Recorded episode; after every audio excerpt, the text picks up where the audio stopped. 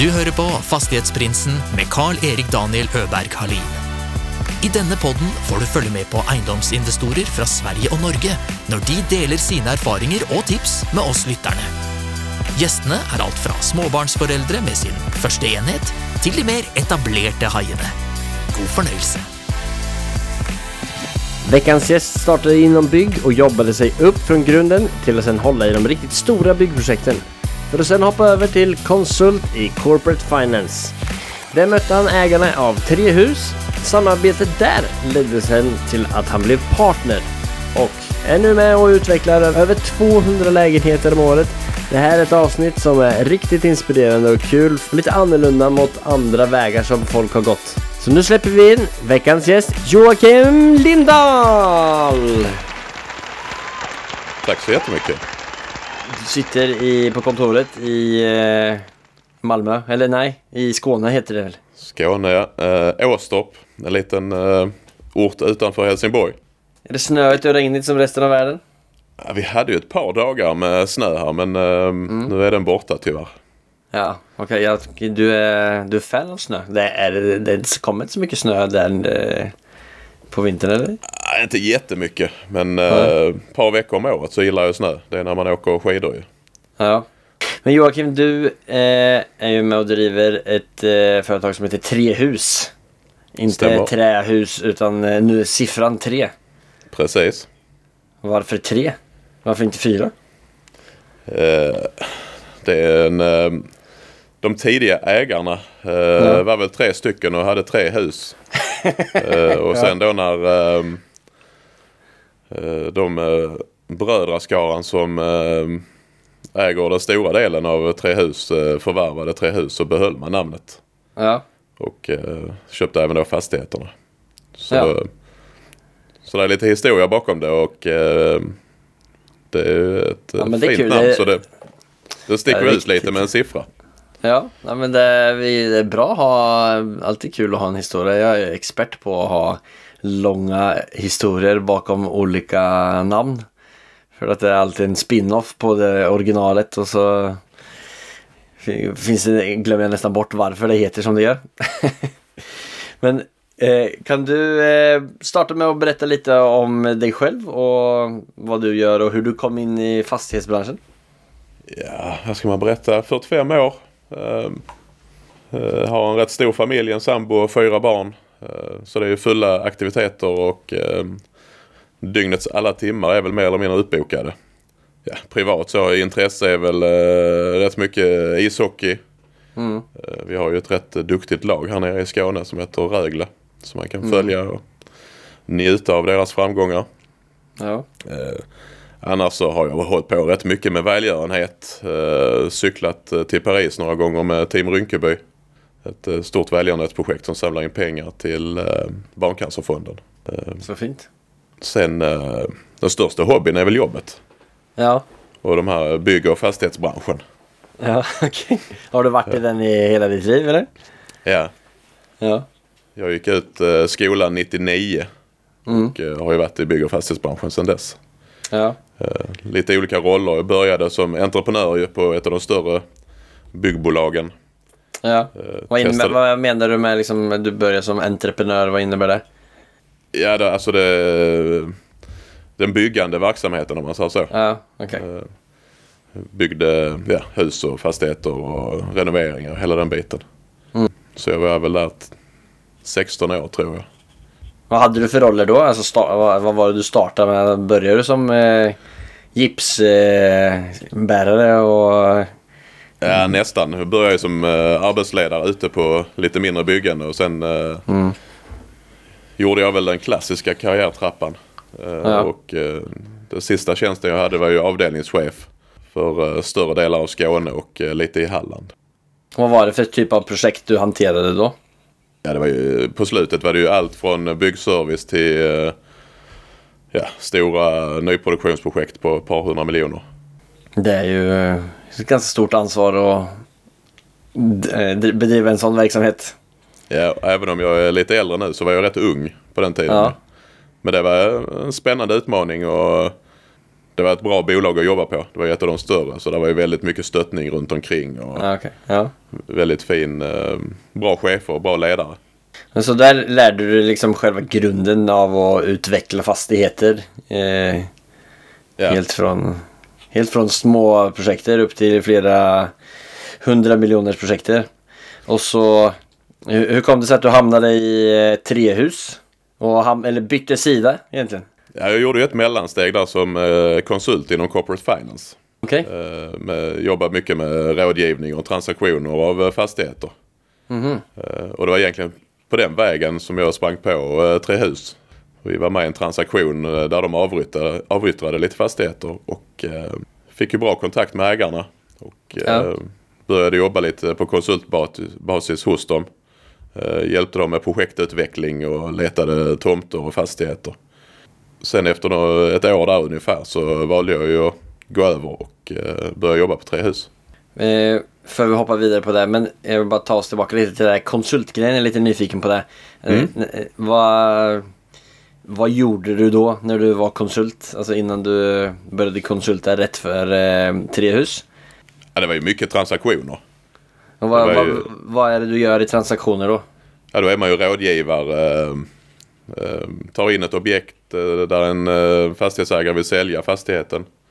Eh, och sen paketerar man den och Kan du nysta upp det lite mer bara? Vad betyder paketera? Alltså du... Nej, men du gör ju ett fint hittar- prospekt. Du Ja. gör ett fint prospekt. Gör det säljbart. Man, ehm, Alltså typ renoverar upp det lite eller? nej, nej, inte, Ja. ingen alls sånt. Utan det var mer eh, man tar in en fastighet. Uh, ungefär som en mäklare fast med större fastigheter. Ja, okej. Alltså det är mm, ish mäklare.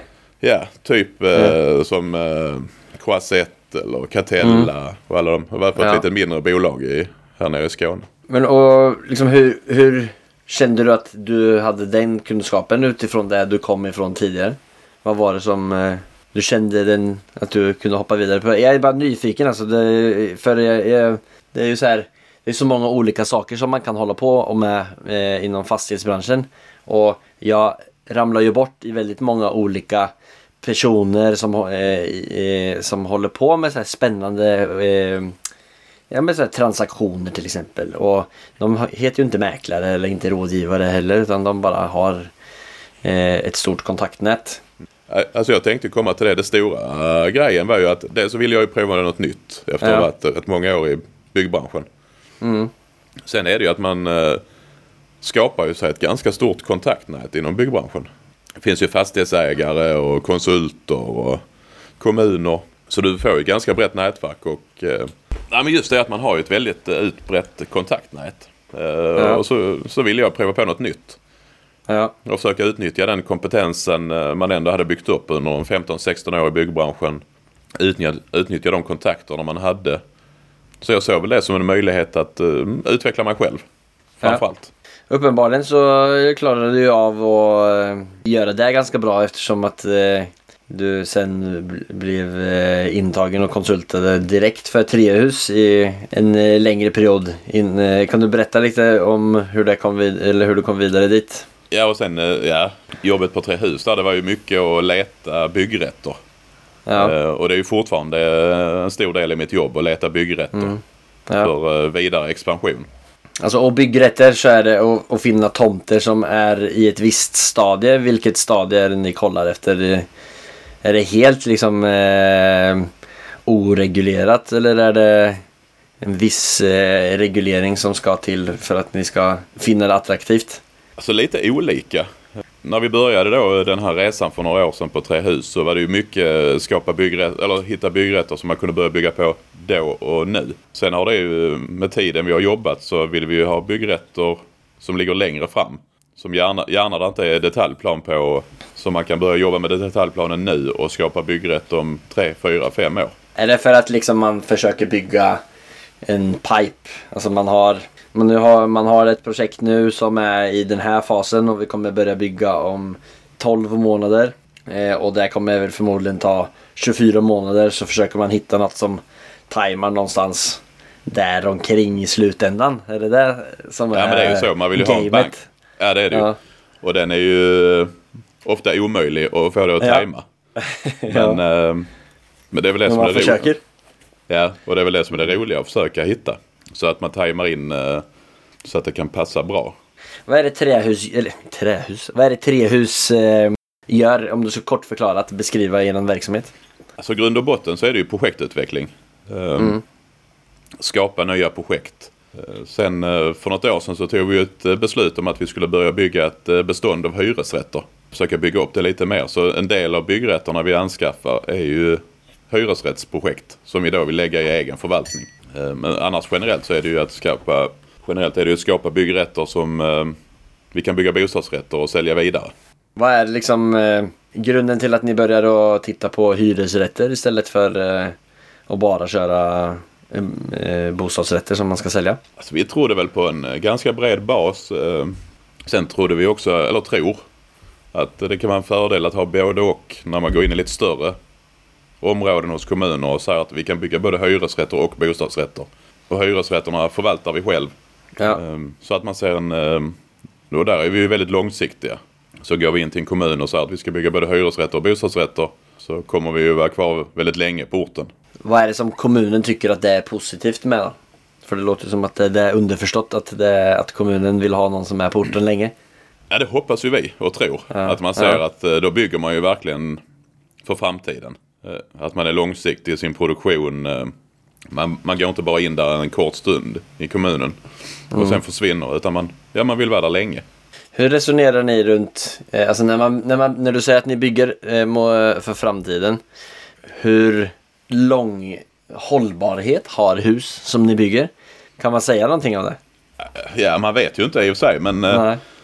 alltså, vi gillar ju att bygga med tegelfasad till exempel. Ja. När det är hyresrätter. Tittar man på gamla tegelhus så har de ju funnits i rätt många år. Ja. Ja. Så jag vet Jag snack- inte, men 100 år kanske? 150? Ja. ja. Ja, för jag intervjuade en eh, som heter Sah- Saher eh, som eh, är en av eh, aktiva i en verksamhet och, som finns på mm, sociala medier och socia- på Instagram och Facebook och allt möjligt som heter Arkitektuppröret.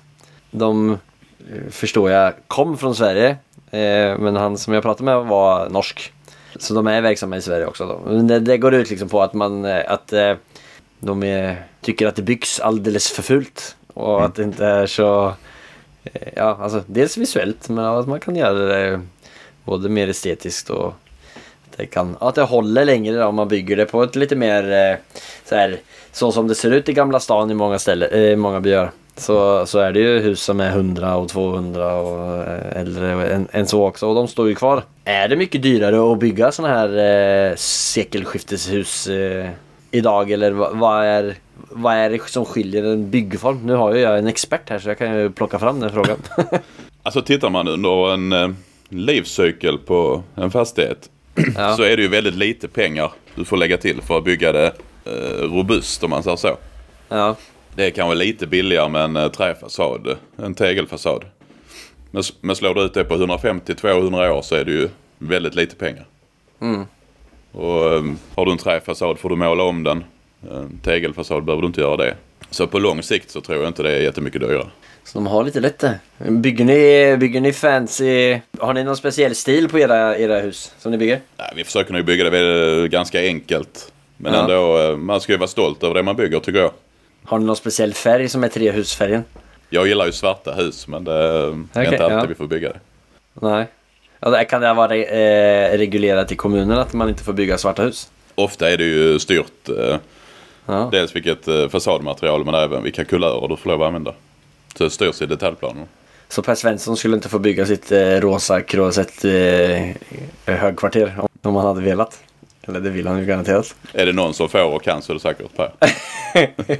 ja, kanske, kanske sådde ett litet frö. Det fanns garanterat där från förr men eh, Förmodligen. kanske, kanske det sparar honom lite. Nej men husen där. Alltså man skulle kunna sitta i bilen med barnbarnen om, eh, ja vad kan det bli, 30-40 år. Och köra förbi det och så titta, ja men titta här, så fint detta är. Det är väl, Ja, det, som är det- lite, det är väl lite det som är målet när man bygger hus kan jag tycka. Men bara gå tillbaka till att du eh, var, jobbat i byggbranschen som entreprenör, hoppade över till att bli konsult eh, och så fick du ko- konsulter du direkt för Trehus. Eh, och nu är du ju partner och driver Trehus. Hur eh, får man en sån möjlighet? Det är ju en fin eh, historia och bra klapp på axeln att man har fått till det. Ja, jag vet inte. Det, Nej. det är väl lite tur kanske. Att man träffar rätt människor på rätt tidpunkt. Så är man väl eh, duktig och ödmjuk uppenbarligen också. Förmodligen så kan man väl... eh, ja, man kanske ska vara osvensk och säga att nej, men man är nog rätt duktig på Ja. det man gör. Sen är det ju, det är ju viktigt att omge sig med bra människor och bra kontaktnät och bra nätverk. Vad är din styrka är då? Alltså jag ser ju rätt mycket möjligheter. Ja, det är bara- ja, men väldigt optimistisk, eh, ser möjligheter. Eh, sen gillar jag att göra affärer. Mm. Det är ju fantastiskt roligt att eh, göra affärer och göra projekt. Och få hela den här bollen i rullning med hitta en tomt, skapa projektet och sen se det byggas upp och sen antingen avyttra det till en bostadsrätt Ja, eh, eller då se hyresgäster flytta in där. Så ja. hela den eh, cykeln eller vad man ska säga, hela den tidplanen är ju fantastiskt rolig. Det är så många steg som gör att man blir eh, lycklig. ja verkligen. Jag, jag, jag, jag känner mig helt igen i det. Jag känner mig som ett lejon så här, eh, när man letar efter någon, eh, efter ett byte. Och så ska man dra hem det och kanske inte grilla det för det gör väl kanske inte lejon. Nej men just det, det har man själv varit ute på och stått på en äh, gräsplätt någonstans och så tyckt att fan detta är ju världens finaste och bästa tomt. Här ska Ja. man ju bygga ju. ja, Och sen kan man då äh, efter fyra, fem år förverkliga det så är det ju, ja. det är ju ja, fan, magiskt. häftigt. Ja, herregud. Eh, när var det du eh, kom, kom in i Trehus? Fyra år sedan. Och hur stora var ni då? Eller hur, vad, had, vad ska man, hur mäter man eh, en eh, fastighetsutvecklarbolag? Alltså är det takten man utvecklar eh, en, enkla enheter på? Eller och säljer av? Är det omsättning? Eller är det, alltså det är mycket enklare om man en hyres... Eh, om man bara har hyresrätter. Ja, men när jag startade så hade vi 300 och nu har vi 500. Ja, jag vet egentligen inte hur man mäter det men eh, byggstarter eller så kan vara bra kanske.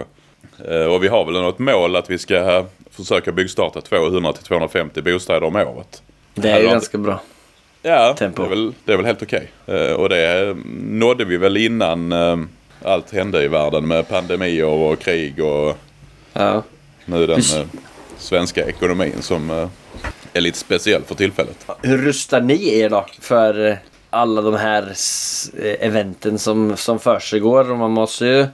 Det är liksom så stora saker som, man, som inte tidigare ha, har varit eh, en naturlig del av eh, årskalkylen. Men man är ju tvungen att liksom räkna in det här nu. Vad, vad gör ni liksom för de, både kort och lång sikt för att positionera i, i det här? Alltså på kort sikt så får man ju titta över sina projekt. De som är igång går inte att göra mycket åt. Alltså de rullar ju på och flyter på ganska väl. Eh, sen på kort sikt så de som man hade planerat att dra igång kanske man får skjuta ett halvår, ett år. Eh, försäljningstiderna blir lite längre. Eh, och sen på lång sikt så är det ju bara att köra på som vanligt. Ja, men du tror, ni tror alltså med andra ord att det, att det är en eh, extraordinär topp som man är i, på väg in i. Eh, där egentligen byggkostnader och räntor och elpriser är hög, hö, högre än normalt och eh, försäljningspriserna är lägre än vad ni satsar på att de kommer vara om ett och ett halvt år senare. Ja men så kan det vara. Sen tror vi väl kanske att eh, räntorna kommer ju vara i en lite högre nivå än vad det var tidigare. Det är kanske en 1% ränta som är onormal och 3-4% som är normal. Ja. Men det måste ju marknaden eh, ta åt sig. Och, Vad händer, vad, vad händer för er verksamhet då? Eller vad gör, gör ni? Låt säga att allt annat eh, Putin har eh, gått tillbaka till sin eh, grotta och strömpriserna är lite mer normala och eh, en eh, cheeseburgare kostar det den ska. Och räntan är lite högre. Vad, vilka konsekvenser får det för hur ni eh, opererar i er verksamhet? alltså jag tror, landar räntorna där runt 3-4% så tror jag det är ett ganska vettigt normalläge. Ja, Och då får man ju anpassa prisbilder och belåningar i bostadsrättsföreningar och sånt efter det. Så jag tror ju, alltså normaliserar sig världen igen så tror jag att det kommer flyta på ungefär som vanligt. Så man får bara anpassa boendekostnader och hela den biten efter det nya normala. Mm. Eh, hur är det i Sverige med, med byggarbetare? Har, har, är det mycket arbetsinvandring i byggbranschen i, i Sverige också? I, I Norge så är det ganska stor del eh, som det har historiskt har varit och det är många som inte har kommit tillbaka efter pandemin. Ser ni detsamma? Jag har lite dålig koll på just byggbranschen, Nej. eh, hur den är bemannad idag. Men jag tror ju att det är väldigt mycket arbetskraftsinvandring. En eh, ny, ny hypotes som eh, Gunnar Böjem, en som jag intervjuade eh, som eh, admindir i Aspelin Ram i Norge. Eh, han hade en hypotes om att eh, när Putin förlorar och det här eh, situationen i Ukraina och eh, den delen av Europa är eh, eh, under kontroll så kommer väldigt många att börja flytta hem för de vill, kommer liksom vara tvungna eller önska att att vara med och bygga upp den delen och då kommer arbetsinvandringen minska eh, ännu mer. För att, att, att det kommer komma så stora medel och önska om att bygga upp, eh, bygga tillbaks eh, landet. Eh, Ja men så borde det ju vara. Ja, det borde ju vara det. Och det Ja. var en väldigt fin tanke men det var ett, liksom ett, eh, ett nytt lager av eh, eh, det, liksom, vad blir konsekvensen av det då? Vad blir konsekvensen av att vi saknar 100 000 eh, byggare? Vad, gör det någonting med priset? Kommer, man liksom, kommer det vara svårt att sätta igång och driva byggprojekt? Det var en tanke. Ja, Så det är en ta bra upp till styre, Ja. ty, styrelsemötet nästa gång. ja, jag tyckte det var... eh, Jag tänkte ganska mycket på det. Ja och det, det borde ju påverka. Tycker man alltså för det är ju eh, Ukraina, det är ett ganska stort land. Mm. Det är väldigt mycket som ska byggas upp. Alltså, du har ju kommit liksom in i, du har ju gått, jobbat eh, upp med kompetens och lärdom och liksom eh, kommit upp till den punkten att du kan driva ett sällskap som håller på att utveckla 200 eh, lägenheter i, eh, om året. Om du skulle ge ett råd eller till dig själv eh, om, du hade, liksom, om du hade haft den kunskapen som du har idag och du hade Eh, liksom du hade 500 000 eh, på fickan och du skulle göra någonting nytt. Eh, var, liksom om, eh, om du var nybörjare igen, vad hade, du, vad hade du gjort med dem? eh, Vad, vad hade du gjort med den situationen då? Då hade jag nog letat upp eh, två, tre kompisar. Ja, förmodligen tre. Ja, tre då ja. Ja, precis. eh, som hade kompletterat varandra. Ja, och eh, gjort det tillsammans med någon. Just den kombinationen att man kanske är lite olika. Eh, någon byggare, någon ekonom eh, och någon eh, grym entreprenör. Skapa det teamet som kan driva och ja, trigga varandra med olikheter. Det tror jag hade gjort. Köra det själv, ja det hade ju funkat. Men jag tror ju på det där teamet som kan göra det tillsammans. Så att det blir en mycket, mycket roligare resa. det låter ju som att du är väldigt fokuserad på det här med stor nätverk och att du har ett väldigt bra nätverk. Vad är det för liksom, eh, skulle du kunna smala ner det och säga att det finns ett visst an- några speciella typer av resurser som, man, som är fint att ha runt omkring som man skulle kalla det ett power team eller någon bemärkelse bara för att... Alltså man ska ju gärna hitta någon som är olik en själv. Det tror jag är nog nyckeln till många grejer. Att är man eh, visionär så eh, kanske det är bra att hitta någon som är lite mer realist. Och är man eh, realist så är det kanske bra att hitta någon som är lite mer eh, påhittig.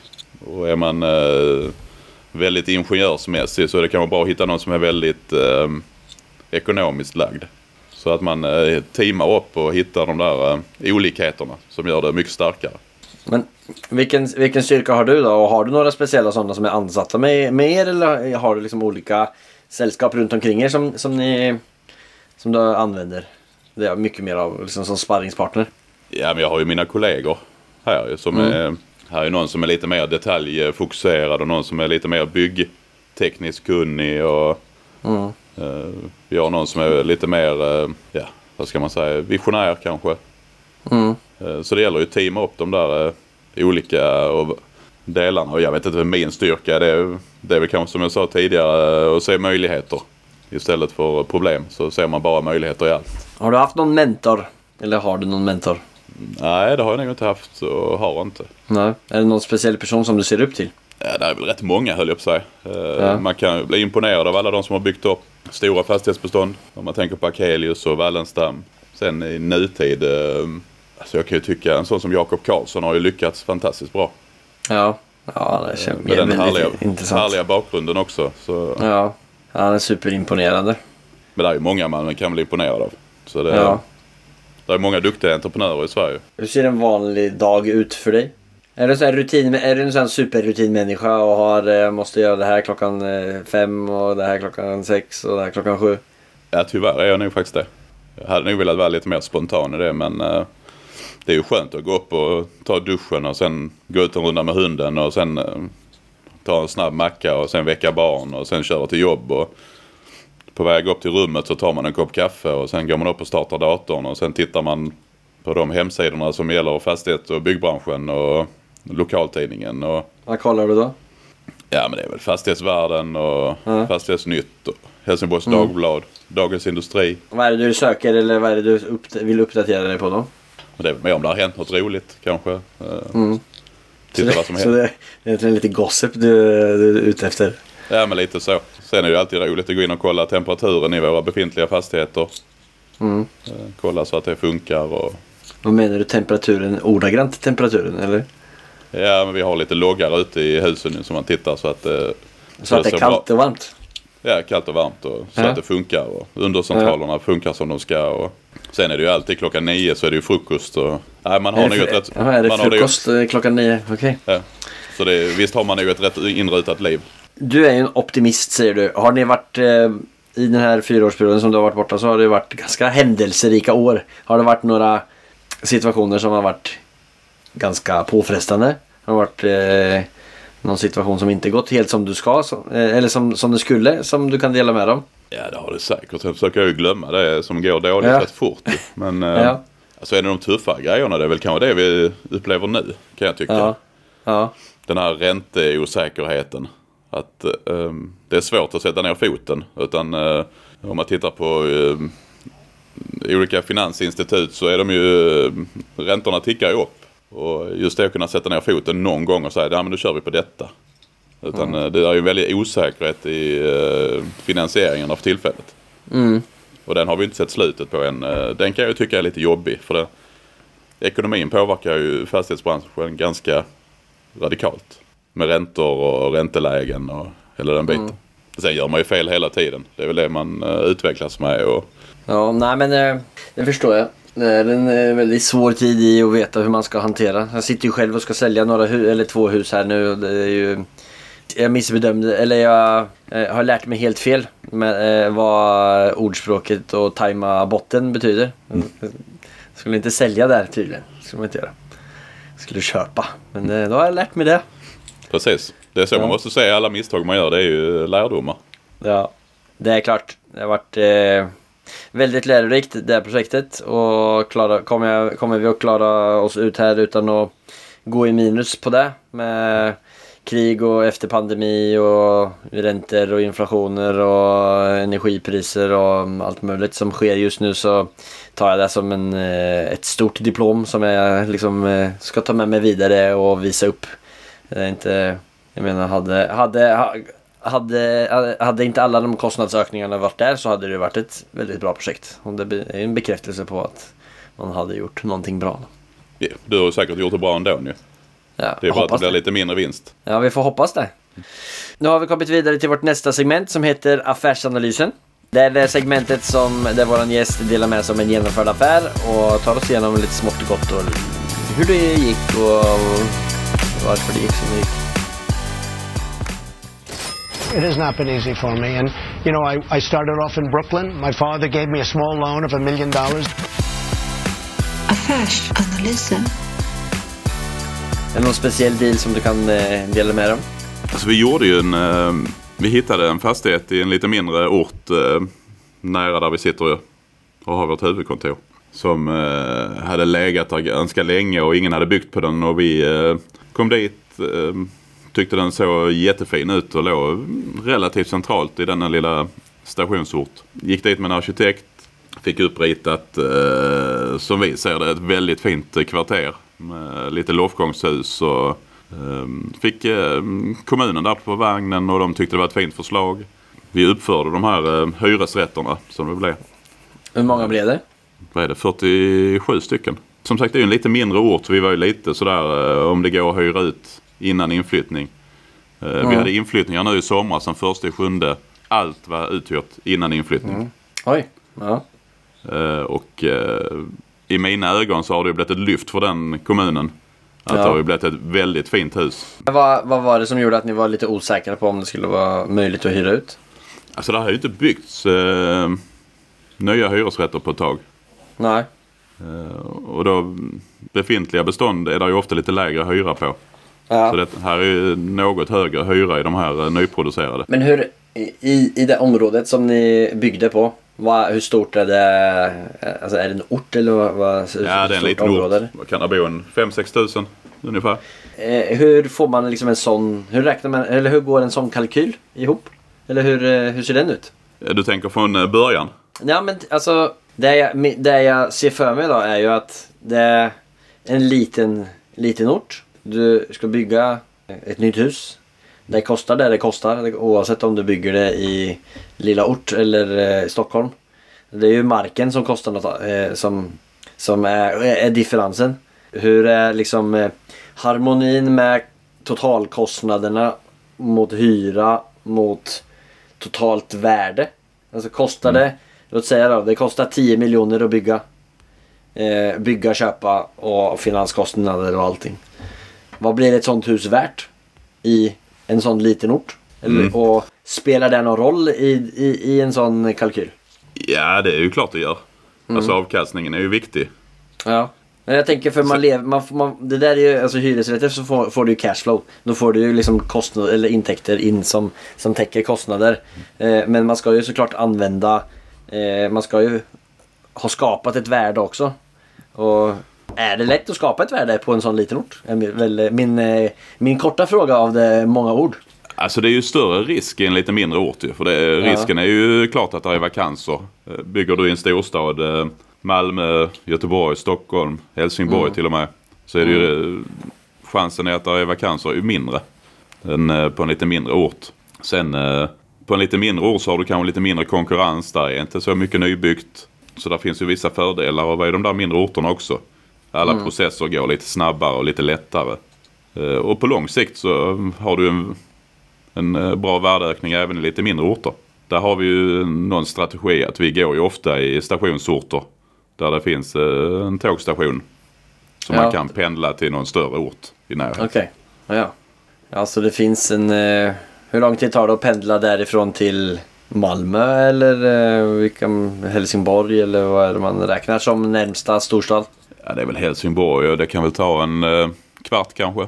Ja, okej. Ja, det är ju ingenting. Så det är nej, 35-40 minuter till Malmö. Nej, det är bara en halv eh, fastighetsprincipodd. Så det är inget. Ingenting. Okej, men eh, vill du dela, kan, kan du dela med dig om några tal på hur, eh, hur den såg ut eller? Jag tror ju snitthyran på den ligger väl eh, upp mot 15-1600 kronor kvadratmetern. Den eh, uträknade avkastningen är väl en eh, strax över 5 procent. Ja. Någonstans. Det är väl ungefär de, på de nivåerna det ligger idag. När du säger det, då är det på, på hyran, eller? Räknar du då på bygg och köpskostnaderna? Eller räknar du på värderingen som man får Ja, efteråt? det, ja, det är ju på våra eh, kostnader. Ja. Och skapade ni något, något värde? Eh, alltså fick ni högre, en högre taxering på, på fastigheten när ni var färdiga och byggt än vad det, vad det kostade att köpa och bygga? Ja, men det, så blir det ju. Ja. Alltså värdet, nej, men på, det- det- värdet på den är ju högre än eh, produktionskostnaden om man säger så. Ja, men är- är det mycket? Alltså ska, blir det mycket eh, värdeökning? Ja, det är ju samma där. Nu är ju alla fastighetsvärdena på väg ner. Så visst, den blev ju Ja. mindre än vad vi trodde. Men eh, Ja. den har ju ändå gett en positiv effekt. Ja, men det är ju i alla fall intressant att eh, veta det. Alltså för det är ju alltså om, det, om, om man hittar en lite mindre ort som man har en hypotes om att det är eh, bostadsbrist på. Det är eh, liksom tåg eh, som tar 15 minuter in till en eh, storstad. Så är det ju intressant att leka lite med kalkyler eh, där. Eller om man skulle kunna räkna hem det. Vad, har, du, har du något tips på hur man kan checka ut eller kan räkna ut det? Alltså, eh, eller det är väl egentligen ingen hokus pokus eh, såklart. Men om det bara är så enkelt att gå till en mäklare och säga om jag bygger det här får jag en eh, Vad, vad, vad vill det bli i värdering? Och du klarar av att räkna ut att, att du har eh, 85% i byggkostnader och köpskostnader. Varför gör inte många fler så? Är det rädslan för att inte få hyrt ut det? Ja, bra fråga. Ja men det kan det nog vara. Och sen det finns ju alltid en osäkerhet på lite mindre marknader. Är det som sagt mindre orter eh, så finns det en viss osäkerhet i uthyrningar och fastighetsvärden och hela det. Men, eh, men tipset på det, det är väl eh, man får göra sin analys grundligt ju. Men vad är ditt intryck på de här mindre orterna? Finns det, är inte konkurrensen lite lättare där? Jo men så är det. Alltså av, eh, du säger det, det finns, det bor 5000 pers. Det är eh, 3000 hyr, eller hyresrättigheter där. Eh, om det är någon procent eh, som stämmer det vet jag inte. Men eh, eh, låt säga att det är eh, 3000 lägenheter som det konkurrerar med. På en mindre ort så är det väl betydligt många fler oseriösa, eller oseriösa men inte så flink, duktiga uthyrare. Finns det säkert lite mindre lokala men Ja. tillför du nyproducerade lägenheter så är, har du ju lite annan eh, standard i dem än vad du har i gamla fastigheter ju. Ofta har du kanske tvättmaskin och torktumlare, diskmaskin, eh, du har hiss, nya moderna planlösningar, eh, lite bättre eh, boendekvaliteter kan man väl säga. Det, det var ju liksom den, den här strategin, eller inte just bara nybyggt, eller inte just nybyggt men att, att köpa lite äldre hus i mindre städer och renovera upp dem och, och göra dem till en annan standard än vad, vad det, de flesta eh, konkurrenterna runt omkring har det och vara en bra hyresvärd. För när jag har varit på de här mindre ställena så är det, har det varit så här det var många hus som de inte har klippt gräs på fyra år och eh, när jag varit på visningar så har hyresvärden har liksom inte bytt kranen som de har på, på, på flera år heller. Även om de har klagat. Liksom det, är sån, det är så öppet mål på att bli en bra hyresvärd på mm, en del ställen. Eh, vilket, en, vilket gör att det bara kliar i hela min kropp. Och vill få, vill få gjort eh, kommit igång med en sån satsning. Sen är ju nyproducerat, det är ju nyproducerat. Ja, Alltså det är ju väldigt, eh, det är ju en speciell känsla att gå in i nybyggda lägenheter. Tycker jag. ja det är klart det är det.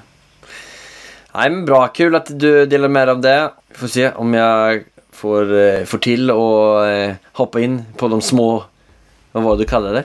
Pen, nej, Stationsorter. stationsorter. Ja, det ska bli en stationsortsman ja. Ja men det Vi är ett bra tips. Ja. Vi hoppar vidare till vårt nästa segment som heter Fyra frågor. Det är de samma fyra frågorna som jag ställer våran gäst.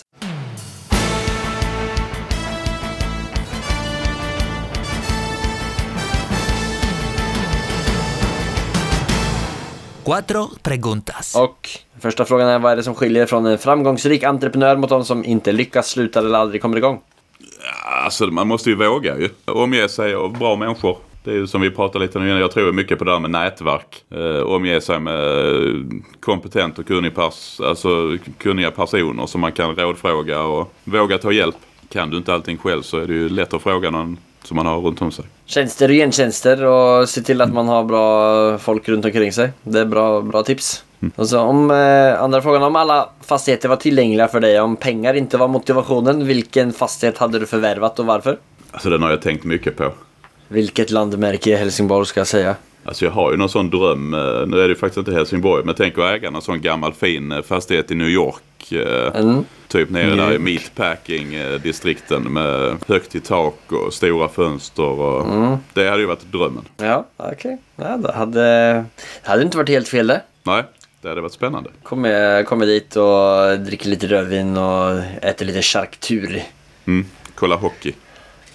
Kolla, ja, ja, precis bredvid New York Rangers. Madison Square Garden. Har du varit där? Ja. Du är så, pass hockeyintresserad alltså. Så du åker till New York för att se på hockey? Mm, det, det, det vill jag ju med göra. Har du något bra boktips för någon som är intresserad i fastighetsinvesteringar? Alltså jag har ju nästan inte läst några böcker om det. Men eh, Ja. det finns ju väldigt mycket bra tidningar och tidskrifter. Det konsumerar jag ju dagligen. Eh, Så försöka hålla sig uppdaterad eh, vad som händer i branschen. eh, Det tror jag är en rätt viktig del också. Titta hur andra bolag agerar och hur de tänker. Och det, eh, det tror jag är en rätt viktig lärdom eh, om man ska vara aktiv i bygg och fastighetsbranschen. Ja, precis. Alltså det, en bok kan ju oftast vara någonting som är lite mer spetsat eller generellt och, och, och, och följer med på hur trender och eh, hur andra opererar. Det är ju en annan ny, nivå av kunskaps... Liksom, att suga i sig det. Ser du några speciella trender eller någonting just nu som många gör? Alltså, det står lite still för tillfället. Ja. Ja. Eh, Men det är väl det där avvaktande kanske. Är det liksom huvudsaken där? Du, du sa att räntan, du vet inte om, liksom, eh, om den räntan som man räknar på nu är den som det kommer att... Alltså man får med alla kostnader. Är det det som gör att de flesta väntar lite en stund nu? Och att det är det som... Sen, byggpriserna är lite höga. Så det är många faktorer som påverkar. Ja, men är man rädd för att de kommer öka ännu mer? Eller eh, att de kommer sjunka? Man, eh, man vet bara inte. Är det bara Ja, det är nog, det är nog man inte vet? osäkerheten. Ja, det är nog Ja. osäkerheten. Ja, men det är ju i sådana här tider som det sägs att eh, det är bra eller att man får möjlighet till att göra bra köp. Mm, så är det. Har du fått gjort några bra köp? Så, eh, ja, men vi hoppas väl att det ska komma. Har du eh, dina hökögon på no- någonting? Ja, men det, vi har eh, ögon och öron öppna Ja. för möjligheter som kan komma. Sista frågan då. Om du har eh, nämnt det mest storartade, roliga eller minnesvärda sättet som du har firat en genomförd affär eller seger på? Alltså jag har ju alltid sagt att man ska alltid fira allting ju. Gärna Ja. ta ut segrarna i förskott. Ja. Det enda som kan hända är att man har firat i onödan. Men vi har ju haft en liten grej här på Trehus att eh, när vi varit med i markanvisningstävlingar och eh, förlorar vi en markanvisningstävling så eh, ska vi bada i eh, vattenspegeln som är utanför huvudentrén. Okej. Eh, så så det, det är väl kanske inte att fira en seger men att lära sig av en förlust är ju att vi har badat i den där vattenspegeln utanför entrén några gånger. Alltså en vattenspegel, är det en fontän eller? Ja, typ. Vad är en vattenspegel? Ja men det är väl, vad kan det vara, 10-15 cm vatten, iskallt. Okej, så ni ska sätta er och simma Ja, runt det lite? blir en liten ni- simtur i den. Så det har vi Ja. fått göra. När Ja. vi har förlorat en tävling. Ja, okej. Och det vill man inte göra ju. Så det Nej. gäller ju att ligga i lite extra när det är sådana tävlingar. Så man slipper bada. Får man, eh, får man eh, en vecka bad i Bahamas då om man vinner den eller? Ja, det är bara glädjen att få jobba vidare med ett projekt. Ja, ja. det är ett gäng simmare hör jag i alla fall. Ja, så är det. Är det några speciella deals som ni är på jakt efter eller? Är det i huvudsak markjakt på, eh, på stationsorterna? Ja, framförallt det är i dagsläget tror jag faktiskt. eh, Och gärna eh, väldigt tidigt i processen så att eh, det är många år att jobba med Ja. projektet. Innan det eh, ska byggstartas. Är det någon speciell person eller sällskap eller någon person med speciella resurser som du gärna hade velat komma i kontakt med? Att de tog kontakt med dig? Och är du öppen för att folk tar kontakt med dig? Alltså jag är nog öppen för allt. Man har alltid en 10-15 minuter över och en kopp kaffe och ett samtal. Man vet ju aldrig vad det kan leda till ju. Och leder inte det till något nu så breddar man ju sitt nätverk ytterligare. Ja. Och skapar en kontakt som, eh, ja, det kan ju leda till vad som helst. Om uh, gör det inte det denna månaden så kan du göra det nästa år eller om 10 år eller 15 år. Jag är öppen för allt. Det är någon lyssnare som gärna vill ta en kopp kaffe med Joakim då. Hur kommer eh, de i bäst kontakt med dig? Ja, kontaktuppgifterna finns ju på vår hemsida. Trehus.se. Mm. Eh, Bara lägga ett mail eller eh, skicka ett sms eller slå en signal. Ja, men då länkar vi till eh, Trehus hemsida, trehus.se. Eh, om du skulle få passa vidare mikrofonen då till en branschkollega, vem hade det varit intressant och att våra lyssnare skulle få höra dela med sig om sin historia? Nu vet jag inte vilka, jag har inte lyssnat på alla dina poddar för jag villigt erkänna då ju. Det här är för dåligt egentligen. Ja. Det är som att skäms. Jag har, du har några hundpromenader och komma ikapp nu. Mm. Men eh, eh, där är ju Per Ekelund på Victoriahem. Ju- Han har ju gjort en eh, fin resa också i uh, fastighetsbranschen. Kan du berätta lite vad hans gjort, strategi eller vad, vad, vad han har gjort? Jag har inte, jag har inte hört eh, talas om han förut. Ja, nu kan ju inte jag hela hans bakgrund men jag vet att han Nej. har jobbat lite på Akelius och uh, sedermera Victoria Park som sen blev Victoriahem. Gjort en fantastisk resa inom fastighetsbranschen tycker jag. Är, det han eh, från din eh, hemtrakter eller vart håller han till? Som en slump är det ju också en helsingborgare. Ja, som en slump. Ja. Tack så jättemycket. Då ska jag ta kontakt med Per. Hoppas eh, om du ramlar bort till honom så får du lägga in ett gott ord. Mm, ska jag göra. Har du något sista tips till alla nya investerare för vi drar vidare? Eller för vi tackar för oss? Nej men det är väl att våga. Ja. Alltså gör man ingenting så händer ingenting. Så är det ju. Och våga göra fel och våga göra misstag. Det är det man lär sig av. Nej, det, ska vi, det ska jag verkligen ta med mig och det hoppas jag att alla också gör. Och så säger vi tusen tack till Joakim Lindahl på Trehus. Och så ska jag släppa vidare dig. Stort tack för att jag fick vara med. Eh, tack själv, det var jättekul. Ha det så bra. Ha det.